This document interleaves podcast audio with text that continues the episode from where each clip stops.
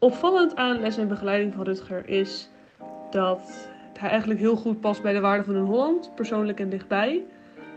En ja, dat, dat, dat kenmerkt hem ook echt. Want hij staat heel dicht bij de studenten. En dat is heel fijn dat als je iets vraagt, dat je serieus wordt genomen. En dat hij ook begrijpt wat de struggle is, omdat hij ook iets dichter bij ons staat. Dus dat is wel heel fijn. Hey, welkom bij een nieuwe aflevering van Rondje Om. De podcastserie over en voor docenten van Hogeschool in Holland. Deze keer wandel ik met Rutger Bokshoorn, docent Creative Business, door in Holland Rotterdam. Ik praat met deze creatieve ondernemer en docent over zijn eerste dag bij in Holland. Hoe het is om een eigen bedrijf te combineren met het docentschap. Wat hij hoopt dat studenten meekrijgen na een samenwerking met hem. En waar hij staat als ik hem in 2040 tegenkom bij de In Holland reunie. Veel luisterplezier. We staan in de centrale hal van In Holland Rotterdam. De plek waar altijd gebouwd wordt. Ik kijk op dit moment weer ergens op een uh, bouwval buiten. Is het voor jou elke keer weer een verrassing als jij uh, naar je werk moet hier in Rotterdam? Uh, welke, welke plek je weer moet omzeilen omdat ze bezig zijn in de stad, Rutger? Ja, Rotterdam staat noodat stil. er is een gezegde in Rotterdam, namelijk dat we hier stenen tekort hebben. Dus om de ene straat te dichten, moeten de andere worden geopend. Oké, okay. ja. ja, dat is mooi. En dan gaan we even terug in de tijd. De eerste dag dat je hier binnenkwam was niet als docent, maar als student, hè? Ja, ja klopt. Ja, wat kan jij nog herinneren van die tijd? Oh jemig. Um, wat ik me kan herinneren is dat ik voelde me al heel verbonden met Rotterdam. Ik ben hier niet opgegroeid, maar mijn oma is hier opgegroeid. Dus ik hoorde vroeger altijd al de verhalen over uh, uh, wat er in de stad gebeurde en hoe mijn oma hier heeft gewoond ten tijde van de Tweede Wereldoorlog. Dus ik voelde me al wel thuis in Rotterdam. Mijn vader heeft er ook een tijd gewoond, dus ik, ik kende de stad een beetje. Ik kwam wel eens in het centrum en uh, ja, ik had hier al wel wat rondgelopen. Maar toen zag ik dit gebouw en toen dacht ik, ja, dit staat nou als, als gebouw met veel glas en hoog voor wauw, uh, kennis en, uh, en, en succes misschien wel. Dat, dat ik dacht, dit is succes ook. Dat je zoiets kan wegzetten. En vooral ook omdat Rotterdam is natuurlijk met dank aan de Duitsers konden we de stad heel erg mooi uh, 70 jaar geleden vanaf niks uh, opbouwen opnieuw. En, uh, en dat zie je aan de gebouwen hier ook. Ze zijn nu weer de volgende wolkenkrabber aan het bouwen. En ze noemen het ook wel eens Manhattan aan de Maas. Ja. Dus, dus dat, dat zie je in dit gebouw ook als je het vergelijkt met, met andere locaties van in Holland of andere scholen in het algemeen. Ja. ja. je was afgestudeerd. Je liep hier voor de laatste keer de deur uit met zo'n met zo'n hoedje. Hoe Zo'n mortarboard. Ja. ja. ja. had je toen ooit gedacht dat je weer terug zou keren als docent? Uh, ja, dat wist ik eigenlijk al. Oh, wist je ja, toen ja, al? eigenlijk. Ja, ik ben uh, ik categorie langstudeerder, omdat ik uh, heel bewust de keuze heb gemaakt. Ik wil eigenlijk al ervaring opdoen. Hè, de, als student moet je ook nadenken over wie ben ik nou eigenlijk straks in, in de markt. Als ik af ben, af ben gestudeerd. Want naast jou komen al die andere studenten ook met een diploma op zak naar, hier naar buiten gelopen. En dan is het, oh je, je hebt een diploma, leuk. Maar die naast jou ook en die daarnaast ook, ook, ook, ook. Dus wat maakt jou nou anders dan andere studenten? En toen dacht ik, dan moet ik eigenlijk gewoon al wat ervaring op zak hebben en laten zien, ja, en dit kan ik allemaal al. En, uh, en daar ben ik heel erg naar op zoek gegaan. Dus toen ik in mijn, in mijn derde jaar op stage ging, heb ik, uh, ben ik op stage gegaan bij Aerojazz FM toen nog. Dat is toen veranderd naar Sublime FM, een kleine radiozender waarbij je als, als stagiair al veel mee mag doen. Want je krijgt al snel veel verantwoordelijkheden. En heb ik eigenlijk een aantal jaren ook ben ik daar blijven werken en veel ervaring opgedaan. Dus tegen de tijd dat ik uh, eindelijk aan afstuderen afkwam en afgestudeerd ben, had ik al wat ervaring op zak. Ja. En had ik mijn eerste project met in Holland ook al gedaan. Dus toen die andere studenten op die avond diploma-uitreiking zeiden: hé, hier hoeven we nooit meer binnen te komen. Toen zei ik: uh, Nou, eigenlijk volgende week uh, ben ik nog een uurtje coach hier aan tweedejaars. Wat goed, hè? Dus, dus, je bent eigenlijk altijd wel betrokken gebleven bij, bij in Holland. Had je niet enig idee dat je dacht van, nou, ik wil eerst even gewoon in de, in de bedrijfsleven en even die school achter mij laten? In plaats van hier aan de slag te gaan als docent? Ja en nee. Ik was wel echt klaar met studeren even. Je wil niet meer tussen de boeken en, uh, en echt, echt het studeren. Daar was ik echt wel klaar mee. Maar als, als coach werken met jongeren, dat vind ik echt enorm interessant. Ik heb uh, eigenlijk mijn hele leven op scouting ook gezeten in Zeeland. En waterscouting, lekker zeilen, gezellig met elkaar. Ik ben er daarna nog tien jaar leiding geweest ook. Dus ik ben altijd met jongeren bezig geweest. En mijn, uh, nou, weer mijn oma, die zei vroeger altijd tegen mij al: Jij moet docent worden. En dan oh, dacht ja? ik: Nee, joh, ik uh, ga richting de evenementen en entertainment en, ho en, hospitality. Dat is meer mijn ding. Maar je bent wel bezig met mensen een fijne tijd bezorgen. Uh, als student ook. Studeren en leren moet ook leuk zijn. En zeker met, met, met jongeren en met studenten kun je dat heel leuk maken op een leuke tone of voice. En is het het nadenken over, over kennis en, eh, eh, en onderwerpen, zeker in de manier waarop we nu onderwijs zien, is veel meer een wisselwerking dan iemand die voor de klas met een lineaal naar het bord staat te wijzen en zegt: Dit moet je nu weten. Het is veel meer een gesprek ook, waarbij je kennis deelt met elkaar. Studenten zien dingen weer van een andere invalshoek, die kunnen soms ook weer iets teruggeven aan jou, waar, waar ze hun creativiteit weer inzetten, zeker binnen een opleiding als Creative Business. Dus ik voelde me eigenlijk best wel op mijn gemak hier. We gaan uh, straks wat dieper inzoomen op hoe jij samenwerkt met uh, studenten. Maar ik wil toch nog even terug naar die eerste keer dat je samenwerkt met studenten voor de klas staat. Soms voelen minuten als uh, uren en is het soms best wel lastig. Hoe heb je dat ervaren, die eerste keer samenwerken met studenten en dus ook daadwerkelijk voor de klas staan? Uh, nou, dat ging eigenlijk heel geleidelijk bij, uh, bij mijn tijd bij in Holland. Want ik was dus al heel erg gewend om met jongeren samen te werken als leiding op scouting. Toen begon ik eigenlijk mijn eerste uh, klus voor in Holland. Was het begeleiden van, van studenten tijdens het project wat we met de Wereldhavendagen hebben gedaan ja. in 2016 uh, was het geloof ik. Toen ben ik eigenlijk gevraagd door, uh, door de radiodocenten toen hier in Rotterdam en in, in Haarlem. Dus Timon Schellevis en Siep Kroeske. Die vroegen eigenlijk, we hebben een, iemand nodig die die studenten begeleidt met dat project. Radio maken vanaf de Wereldhavendagen een weekend lang. En um, iemand die die studenten ook over de zomer heen begeleidt. Want de Wereldhavendagen vindt plaats in het eerste weekend van september. Nou, docenten willen ook wel eens uh, vakantie houden. Dus ze zochten eigenlijk iemand die die studenten bezighoudt en aan de slag houdt. En dat project tot een goed einde brengt. Dus dat waren eigenlijk mijn eerste stappen. Wat niet zozeer doseren is, maar vooral coachen. En uh, die rol heb ik toen als, als docent ook gekregen om, het, om die tweedejaars radiostudenten te coachen. En daarna kwam eigenlijk pas erbij, oh, maar kun je dan ook niet deze colleges geven? En oh, je weet ook iets van evenementen. Oh, daar zoeken we eigenlijk ook nog wel een, een docent voor. Wil je die colleges niet ook geven? En toen kwamen pas eigenlijk die eerste stappen voor de klas staan met je powerpointje en hopen dat je een goed verhaal kan vertellen. Ja, ja, ja. En, en wat is dan het grootste verschil met de Rutger toen en de Rutger nu? Als het gaat om het coachen van studenten, het begeleiden van studenten? Ja, dat is iets wat ik uh, in mijn uh, BDB-cursus, dus mijn didactische cursus die ik binnen in Holland heb gevolgd, wel echt heb geleerd. De Rutger toen was heel erg, ja, het is aan jou of jij uh, je tijd erin steekt. Dus ik begon, al, begon eigenlijk mijn, mijn, mijn lessen toen tegen studenten. Joh, als je niet wil komen, lekker niet doen. Er is geen aanwezigheidsplicht, het is helemaal aan jou.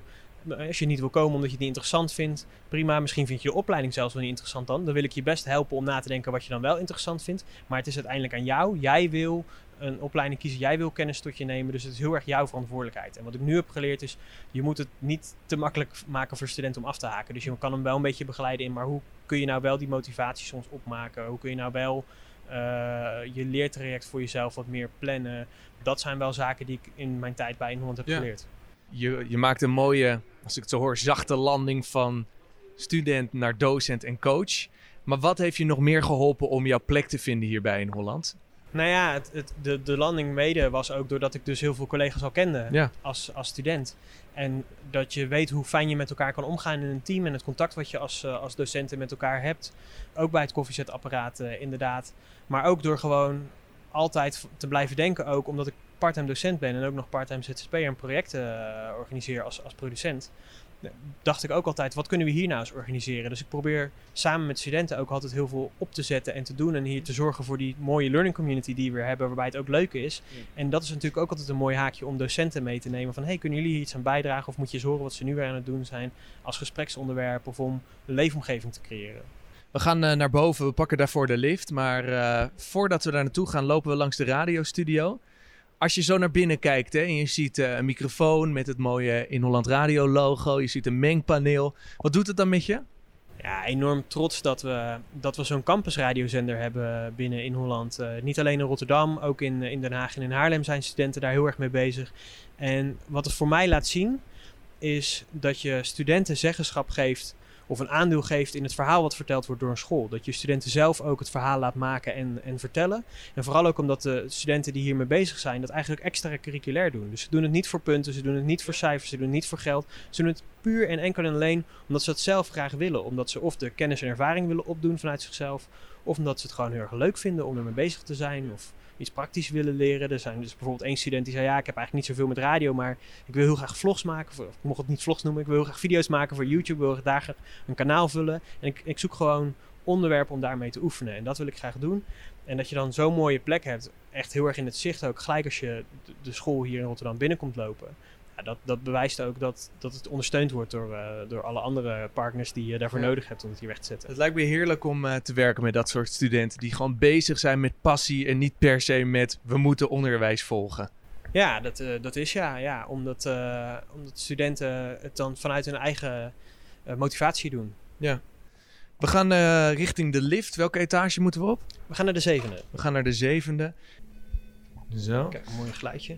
Ja, midden in coronatijd nu, eh, dus het is heel erg rustig op, eh, op school. Hoe is jouw contact met jouw collega's? Hoe gaat dat? Ja, dat is wel heel anders. Want je verwacht toch heel erg dat koffiezetapparaat momentje waar je elkaar tegenkomt. Eh, het leuke van het team in Rotterdam van Creative Business is dat we dat online hebben geprobeerd na te bootsen. Dus in Teams staat ongeveer drie keer in de week, staat ergens in, ons, eh, in onze agenda, staat eh bakkie pleur. Een bakkie Oh, pleur moment. Is natuurlijk Rotterdam voor een kopje koffie, even een bakkie pleur doen.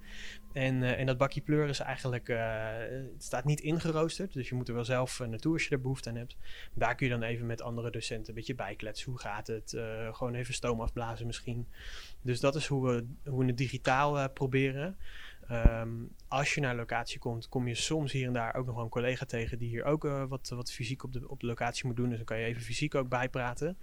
Maar het is heel anders dan, eh, dan wanneer je met z'n allen hier werkt. Ja, Ja. En, en buiten coronatijd? Hoe ga je dan om met collega's? Is het allemaal heel erg zakelijk? Of wordt er wel eens een geintje gemaakt hier in de wan- wandelgangen? Nee, absoluut natuurlijk. Ja. Ja, het, is, het is natuurlijk een creatieve opleiding, creative business. En dat merk je ook achter de schermen. Dus het gaat, eh, het gaat er niet heel zakelijk aan toe. Sowieso kennen we volgens mij niet een heel erg formele hiërarchie in Nederland. Dus dat wil zeggen dat je als collega's ook eh, een lekker grapje met elkaar kan maken. Even bij kan praten. Even hoe is het eigenlijk, eh, hoe is het eigenlijk thuis? Eh, heb je het naar je zin? Of ja, ik heb een nieuwe fiets gekocht vorige week. Toen ging ik naar de duinen of zo. Zoiets. Dat, dat vindt ook heel erg plaats, dat soort gesprekken. En ook gewoon hier op de vloer. Hè. We lopen nou op de zevende verdieping. En daar vindt het ook gewoon bij het koffiezetautomaat plaats waar de studenten bij zijn. Die zijn Ja. ook gewoon een onderdeel van, van je leven. En die eh, hebben ah, ja, geen geheim, is misschien een heel groot woord. Maar eh, ja, je moet ook gewoon met, eh, met studenten erbij het gesprek eh, kunnen voeren. Ja. eh, Met studenten ook letterlijk. Hey, wa- wat leer jij van je collega's? Want iedereen heeft natuurlijk zijn eigen expertise.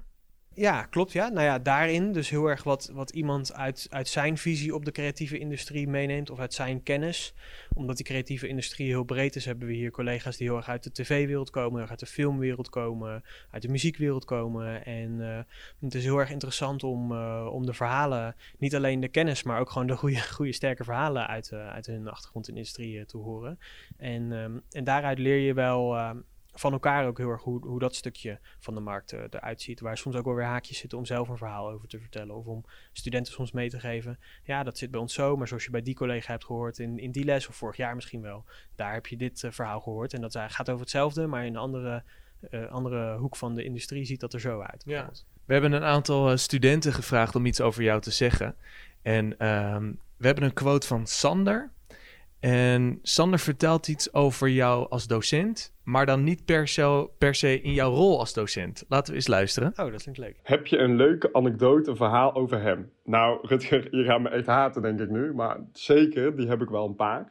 Een leuke anekdote is dat je met Rutger eh, altijd eh, Wie ben ik moet gaan spelen. Wij gingen op een gegeven moment een aantal studenten en een aantal docenten Wie ben ik spelen. Dus ouderwets een papiertje op ons hoofd met iemand erop. En eh, ja, iemand had Ernie van Bert en Ernie. En ehm, daar heeft hij zoveel woordgrappen over gemaakt van ik ben er niet. En dat we daar zo lang en zo vaak nog onder hebben gelachen. Dat eigenlijk dat moment zo typerend was voor ook hoe Rutger is. Gewoon het lachen en de flauwe grappen. En, ehm, dus het leukste moment was wel echt wie ben ik spelen met Rutger. En dat hebben we daarna ook zeker nog wel vaak gedaan. We horen nu in Ja. deze podcast de serieuze kant van Rutger. Maar Rutger heeft ook een hele andere kant, Ja. zoals je net hoort. Als je dit zo hoort, wat doet het dan met je? Ja, vind ik super leuk om zo'n anekdote eens terug te horen. En, en ik denk ook, het toont heel erg eh, de gezellige kant die je ook moet hebben. De, de menselijkheid eigenlijk. Dus niet die hiërarchie, docent, student, eh, meneer, die en die. Ik ga je nu wat vertellen over het onderwerp dat jij in je hoofd moet stampen. Maar meer ook, je komt hier samen en je werkt samen aan, aan kennis. Eh, de ene helft van de groep, de, de traditionele docent, die heeft die kennis. Of die kan een student begeleiden bij het krijgen van die kennis. En de student wil die kennis tot zich nemen. Willen ook echt een nadruk erop. Maar dan moet je wel een fijne sfeer voor creëren. En ik denk als je dit soort leuke dingetjes tussendoor, hè, lekker even wie ben ik spelen met elkaar. Hè, wat ik net ook zei, bij het koffiezetautomaat praat je ook gewoon met elkaar. eh, dat zorgt voor even een momentje van gezelligheid. En, eh, en dat je daarna weer keihard kan doorwerken. Dat je ook, uh, ook weer verder kan. En er komen vaak ook wel, of tenminste soms wel eens leuke grappen uit die dan terugkerend zijn en door blijven gaan. Ja. ik geloof dat dit redelijk aan het begin van het semester was. En we hebben nog heel lang Bert en Ernie grappen gemaakt. Oké, oké. Ik ga je nu niet vragen om dat, om dat voor te doen. Zullen we nog, naar, nog een keer naar een quote luisteren van Gerco? Wat ik heb geleerd van Rutger is vooral ehm, ja, is vooral gebeurd tijdens de Wereldhavendagen. Uh, daar heb ik gewoon geleerd om uh, ja, hoe ik me moet opstellen tegenover partners met grote evenementen en dergelijke. En ik denk dat we samen met z'n allen een heel mooi uh, eindresultaat hebben neergezet. En dat is me wel het meest bijgebleven. Ja, de Wereldhavendagen komen zo meteen op. Wat hoop je dat studenten meekrijgen na een samenwerking met jou? Wat vind je het allerbelangrijkste? Uh, ik denk één is altijd de gezelligheid. Je moet, uh, het werk moet ook leuk zijn, dan blijf je het doen ook. We, we, we, gaan richting een hele leuke industrie, in de creatieve industrie. Als, als student ga je daarheen. Werk je er misschien al een beetje in, zoals met dit soort projecten. En het moet leuk zijn, dat is het belangrijkste. tweede is, die, die praktijk. Dus hij heeft als student zelf dat project kunnen organiseren. Een beetje coaching voor mij, maar hij maakt afspraken met partners, met mensen die we nodig hebben voor dat project, uh, met waar dingen geregeld moeten worden en plekken die, die, die we nodig hebben. En uh, nou, dus heel veel praktijkkennis eigenlijk ook dat op het moment dat je school verlaat, dat je weet waar het over gaat, dat je eh, aan tafel kan zitten met iemand en weet hoe zo'n proces gaat. Ehm, dus, dus dat zijn dingen die zie je niet alleen in boeken. En daar, daar gaat een beetje het hele onderwijs ook natuurlijk uh, naartoe. Niet alleen maar theorie uit boeken, maar ook praktijk. Dat zie je al meer. Maar ik denk uit, dat, dat dat is ook heel erg de manier van werken die ik graag doe met studenten. Dus een project aanpakken en dan uh, vertellen: hè, dit is eigenlijk allemaal de theorie. Maar bewijs nou maar eens dat die theorie ook praktijk kan zijn. En als je zelf vindt dat theorie ergens niet werkt in de praktijk, nou laat het dan ook maar weten. Want dan uh, komen we misschien maar achter nieuwe inzichten. Ja, en als we dan dat voorbeeld pakken wat Gerco net noemt, de Wereldhavendagen. Eerder in het interview had je het er ook al over. Als ik je goed begrijp, speelt dat best wel een grote en belangrijke rol in jouw werk als docent, hè? Kan je eens vertellen wat de Wereldhavendagen zijn en wat dat met jou doet als docent en wat studenten daar leren? Ja, dus de Wereldhavendagen is een uh, jaarlijks terugkomend evenement in, uh, in Rotterdam. Het gaat heel erg over de haven. Rotterdam is een havenstad en dat willen ze elk jaar graag laten zien met het evenement. De, de, de Maaskades liggen vol met schepen van over de hele wereld, binnenvaart, zeevaart. En uh, het draait eigenlijk om het laten zien hoe de, de, de of hoe de haven werkt. En ook hoe dat werkt in, in die nautische, maritieme wereld. En uh, nou, zo'n beetje op de stoep van, van in Holland hier uh, in Rotterdam. En we hebben dus een partnerschap met de Wereldhavendagen als, als in Holland-Rotterdam. Waarbij studenten vanuit verschillende jaren, vanuit verschillende opleidingen ook iets, iets organiseren, iets doen, iets bedenken, iets aanpakken voor de Wereldhavendagen. En een van die projecten die eruit gekomen is, is dus dit radioproject ook. Dus wat we met de radiostudenten doen, waarbij we eigenlijk een weekend lang verslag doen van alles wat er in de haven gebeurt, te doen is. Dus we interviewen mensen van verschillende bedrijven over wat hun bedrijf doet, maar ook over wat hun beroep is, of hoe dat werkt, of gewoon goede verhalen uit de haven, kan ook wel eens leuk zijn. En uh, dat nou, organiseren eigenlijk die studenten. Dus ook weer, ik zet de kaders, ik maak wat afspraken die nodig zijn daarvoor. En uh, ik geef de studenten een duwtje. En zij doen eigenlijk het meeste werk. Zij gaan echt met het, met het project zelf aan de slag. Dus je kunt achteraf ook echt zeggen dat, los van die kaders die ik gesteld heb en nou, de, de afspraken die ik met de Wereldhavendagen maak, met een locatie en, en technische partner, omdat dat gewoon financiële afspraken zijn, kunnen de studenten de rest van de hele invulling geven. Hoe belangrijk is zo'n event als de Wereldhavendagen? Want het is een totaal andere setting dan normaal gesproken veilig binnen de hogeschool. Ja, en dat maakt het juist zo leuk. Het is de praktijk. Het is die, die klaslokalen uit en er naartoe gaan en echt daar bezig zijn. En uh, dat kan met de Wereldhavendagen, waar we, waar we in, Rotterdam elk jaar mee samenwerken. We hebben het een keer uh, samen gedaan met Parkpop in, uh, in Den Haag, waar we ook radio mochten maken. Andere radioprojecten, de Glazen Studentenbus, die van langs verschillende in Holland locaties heeft gereden in het verleden. Er zijn heel veel haakjes waar je dat soort projecten kunt doen. Ik denk radio is het leukste om dat, daar, om dat mee te doen, want je kunt het heel snel opzetten. Het is heel makkelijk te realiseren, omdat je eigenlijk met, nou, met de studio daar naartoe gaat en, en je kunt beginnen bij wijze van spreken heel snel. Het is redelijk makkelijk op te zetten, waarbij tv veel meer moeite kost. Als je echt een evenement wil doen, moet je ook uh, opbouwen, draaien, af, uh, afronden. Dus vaak ook wel een wat, wat grotere impact heeft dat. Maar met radio kun je heel simpel ergens aan, de, aan deelnemen of aan bijdragen. Ja, de kracht van radio dus. Als we het even omdraaien, we hebben, je hebt net verteld wat jij, wat jij hoopt dat studenten meekrijgen na een samenwerking met jou. Maar wat leer jij van studenten? Dat vind ik ook een leuke vraag. Afgelopen jaren heb ik eh, heel erg ook geleerd in mijn eigen rol. Dus hoe streng ben je voor studenten? Of hoeveel zelfstandigheid geef je studenten? Of hoe kun je studenten het beste begeleiden of coachen in hun leerproces? Daar word ik steeds beter in. Dus eh, waarbij ik ze eerst echt alle zelfstandigheid en verantwoordelijkheid gaf, weet ik nu, ja, je moet ze zo ook, wel een beetje helpen en motiveren om, eh, om dat zelf goed uit te kunnen voeren. Dus als je uh, zegt, ja, regelt allemaal zelf maar. Je maakt niet uit of je opkomt dagen, dan blijf je in bed liggen. En als je zegt, nou, we gaan wel beginnen, die afspraken maken we gewoon. En daarbinnen, binnen die kaders van het project, bijvoorbeeld zo'n project als de Wereldhavendagen, daarin heb je de vrijheid. Geef je ze verantwoordelijkheid, iets om naar uit te kijken, motivatie dat ze echt iets mogen doen. Maar ook wel wat kaders van, ja, maar er zit wel een deadline aan, er moeten wel gewoon dingen gebeuren. En, uh, en dit stukje van de puzzel is jouw verantwoordelijkheid. Dus die balans eigenlijk die je zoekt in hoeveel uh, verantwoordelijkheid geef je studenten, wat, wat kunnen ze allemaal? En dat, dat vind je vooral in echte projecten, buiten de deur, echte praktijkprojecten. Behalve, uh, in plaats van in uh, theoretische dingen die je dan op een PowerPoint laat zien aan elkaar. En waar beginnen ze? Waar stappen ze in? En, en wat heb je al voorbereid voor studenten? Ja. Ja. En wat leer je dan specifiek van ze?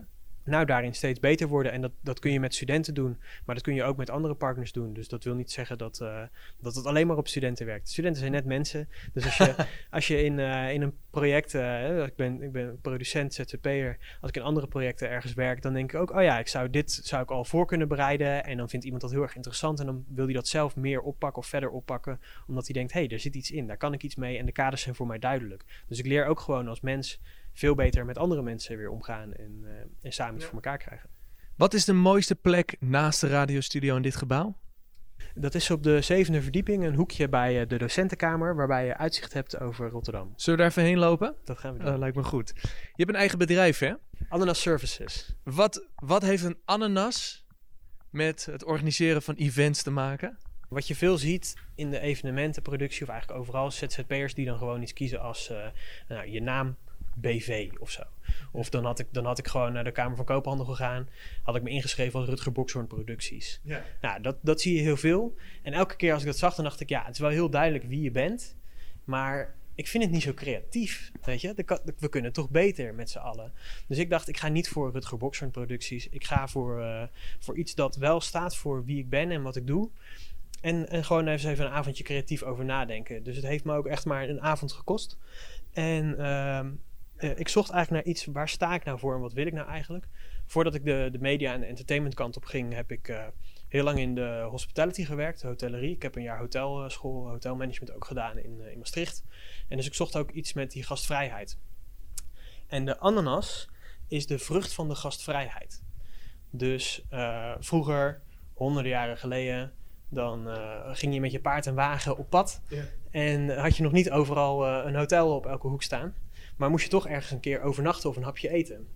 En uh, om te weten bij wie kan ik nou aankloppen voor een overnachting of een hapje eten, legden mensen vaak uh, nou, iets, iets voor de deur. Dus een ananas bijvoorbeeld, wat dan vooral veel voorkomt in de warmere regionen van de wereld. Of hier in, in Europa wat vaker de artichok. Dus dan wist je, hé, hey, daar kan ik aankloppen, daar kan ik iets, een, een warme hap krijgen of zo. En die, die zie je nog steeds. Die artichok zie je bijvoorbeeld op hekwerken of bij stadhuizen zie je op die balustrade zie je zo'n knop met schubben. Nou, dat is de artichok. Ik hou niet zo van artisjokken. Dus een ananas. Dus ik dacht, ik, kies, ik kies, de ananas. En die staat dus voor gastvrijheid. Want of het nou een restaurant is, een hotel, radio, een evenement. Alles wat je maakt, ik maak het met passie voor, voor mensen. En omdat ik ze een fijne tijd wil bezorgen. Ik wil, ik wil ze een leuke tijd geven. Dus vandaar die ananas. Mooi. Ja, en daarbij goed. ook nog, dus dat is al een mooi verhaal natuurlijk. Maar daarbij ook nog, de ananas is natuurlijk enorm hipster fruit. Dus overal, Rudy, waar jij vanaf nu rondloopt in de, in de supermarkt of in een, in een winkelvitrine een ananas ziet, nou, dat denk je aan mij. Slim. En niet alleen ik, maar ik denk ook de luisteraar inderdaad. Ja, dus. We zijn inmiddels op uh, wat jij vindt de mooiste plek van in Holland, uh, Rotterdam, aangekomen. Nou, ik moet je groot gelijk geven. Kan je eens omschrijven wat je nu ziet? Ja, dit is een, uh, een hoekje op de zevende verdieping. Er staan wat banken, dus je kunt hier even met collega's een kopje koffie drinken of even iets overleggen. En alles, alle muren zijn van glas eigenlijk naar buiten toe. Dus als je naar buiten kijkt, dan zie je hier, uh, je ziet de Rijnhaven met drijvend paviljoen wat in het water ligt voor de deur, een soort evenementenlocatie. ze hebben daar net weer een heel nieuw ding in het water gebouwd, een soort, soort drie verdiepingen gebouw. Eh, je ziet de, de, Wilhelmina-pier eigenlijk met eh, de hoogbouw, de Montevideo, eh, de Rotterdam, het Luxor Theater. Als je precies in het hoekje gaat staan, kun je zo midden over de Erasmusbrug kijken. Omdat je hier aan de Postuma-laan zit, die zo de Erasmusbrug eh, overgaat. Dus je ziet de Erasmusbrug heel mooi. Je ziet eigenlijk gewoon de stad. Je ziet de, de stad die beweegt, de auto's die langsrijden, de boten die varen, de, de watertaxi die in de verte voorbij sjeest. Je ziet dat een stad in beweging is en dat er iets gebeurt. Wat goed, hè? Zullen we weer even zitten? Want, eh, ja, Ja, net- relaxed. wat, ehm, wat vind jij nou het, het, het meest ultieme evenement in Nederland? Oh, daar zijn eh, verschillende antwoorden op mogelijk. Oké. Want dat ligt er maar net aan wat je, wie je bent en wat je wil bereiken natuurlijk. En voor jou? Als, eh, met jouw ananas services? Nou, ik vind een enorm mooi evenement in Nederland vind ik de Zwarte Cross. Wat eh, gigantisch terrein is. Eh, iedereen herkent het eigenlijk een beetje als een boerenfestival in de Achterhoek. Ja, daar komen toch alleen maar boeren. Ja, maar wel uit heel Nederland, niet alleen uit de Achterhoek. En dat maakt het ook een heel gemoedelijk festival. Dus zij zorgen ook echt dat het een familiefestival is. Waar je ook met je hele gezin naartoe kan. En dan hebben ze een blagenparadijs, heet dat. Is een soort kinderopvangcentrum waar, eh, waar je je kinderen overdag kan dumpen. Krijgen ze fristie, mogen ze naar draaimolen.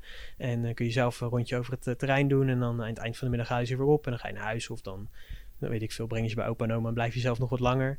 Maar ehm, het is echt een familiefestival waarbij je soms nog wel eens bij evenementen, als je tegen iemand aanstoot en je, morst bier of zo, ga ik, hey, om mijn bier. En dat kost nog wel 15 munten, bij wijze van spreken.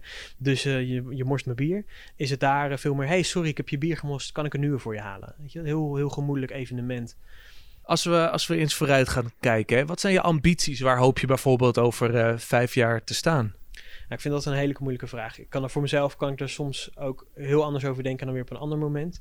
Ik ben wat dat betreft best wel een duizendpoot, omdat ik zoveel verschillende dingen ook doe. Ik leef half in de radiowereld, ik leef half in de evenementenwereld. Ik ben aan het doseren bij in Holland erbij. Ehm, dus ja, ik heb wel eens gedacht, moet ik niet een keuze maken? Heb ik wel eens aan, aan collega's gevraagd, aan experts, van ja, moet ik niet gewoon of kiezen voor die radiowereld of die evenementenwereld en daar dan induiken. Want als je al je tijd op één ding kan focussen, kom je natuurlijk nog veel verder. Terwijl die, die, dat duizendpoot zijn, die verschillende kanten kennen, geeft ook alweer een voordeel omdat je dingen met elkaar kunt combineren en, en verbinden. Dus als je vraagt wat doe je over tien jaar, ja, ik weet niet. Misschien heb ik die keuze dan gemaakt, misschien heb ik de keuze nog steeds niet gemaakt en doe ik met veel plezier alles. Op dit moment denk ik, zolang het kan, waarom zou ik moeten kiezen als ik alles tegelijk eh, kan doen? En eh, ja, wat, wat doe ik over tien jaar? Eh, waar het me brengt. En, en dan als we het misschien wat dichter, eh, dichterbij zoeken, wat zijn je ambities? Wat zou je nog heel graag willen doen? Nou, waar we nu op dit moment mee bezig zijn, ik heb, ik heb dus die, die Club Radio studenten hier in Rotterdam en ook in, in Den Haag die met campusradio bezig zijn. Ja, ik wil daar wel echt heel graag iets moois van maken. Dat is wel echt iets wat ik ook in mijn eigen tijd doe eh, nu, om daar iets van te maken. Naast al die andere dingen die ik, eh, die ik al doe, omdat het me enorm leuk lijkt om eigenlijk zo'n ja, een soort lokale omroep voor, voor studenten te hebben, voor jongeren die zelf die verhalen maken, zelf vertellen op hun tone of voice wat ze willen en dan niet in of niet per se in de korte eh, Insta of Snapchat eh, of noem ze maar op eh, manier, maar soms ook wel wat diepere verhalen. En dat, dat kan alsnog heel snel zijn als, als dat de manier is waarop ze het willen consumeren. Maar Cool. vooral dat het vanuit, vanuit de studenten zelf komt. Dat ze zelf weten wat ze willen vertellen en hoe ze het willen vertellen. Want als je ze dan ook vraagt, wat wil je dan vertellen? Dan zeggen ze altijd, ja, het moet natuurlijk leuk zijn, entertainment, maar het moet ook informatief zijn. Het is ook gewoon belangrijk dat we dingen aan elkaar vertellen die we, die we moeten weten. Ja. En daar, dat, daar hoop ik wel dat dat de komende jaren echt wel mooi, een mooie plek krijgt. Nou, mooi. Ja, goed om te horen. Tot slot, een vraag die we aan elke gast stellen. We gaan eh, naar 2040. Er is eh, hier bij In Holland een reunie. Hoe sta je erbij, denk je? Oh jemig. Misschien nog steeds als collega.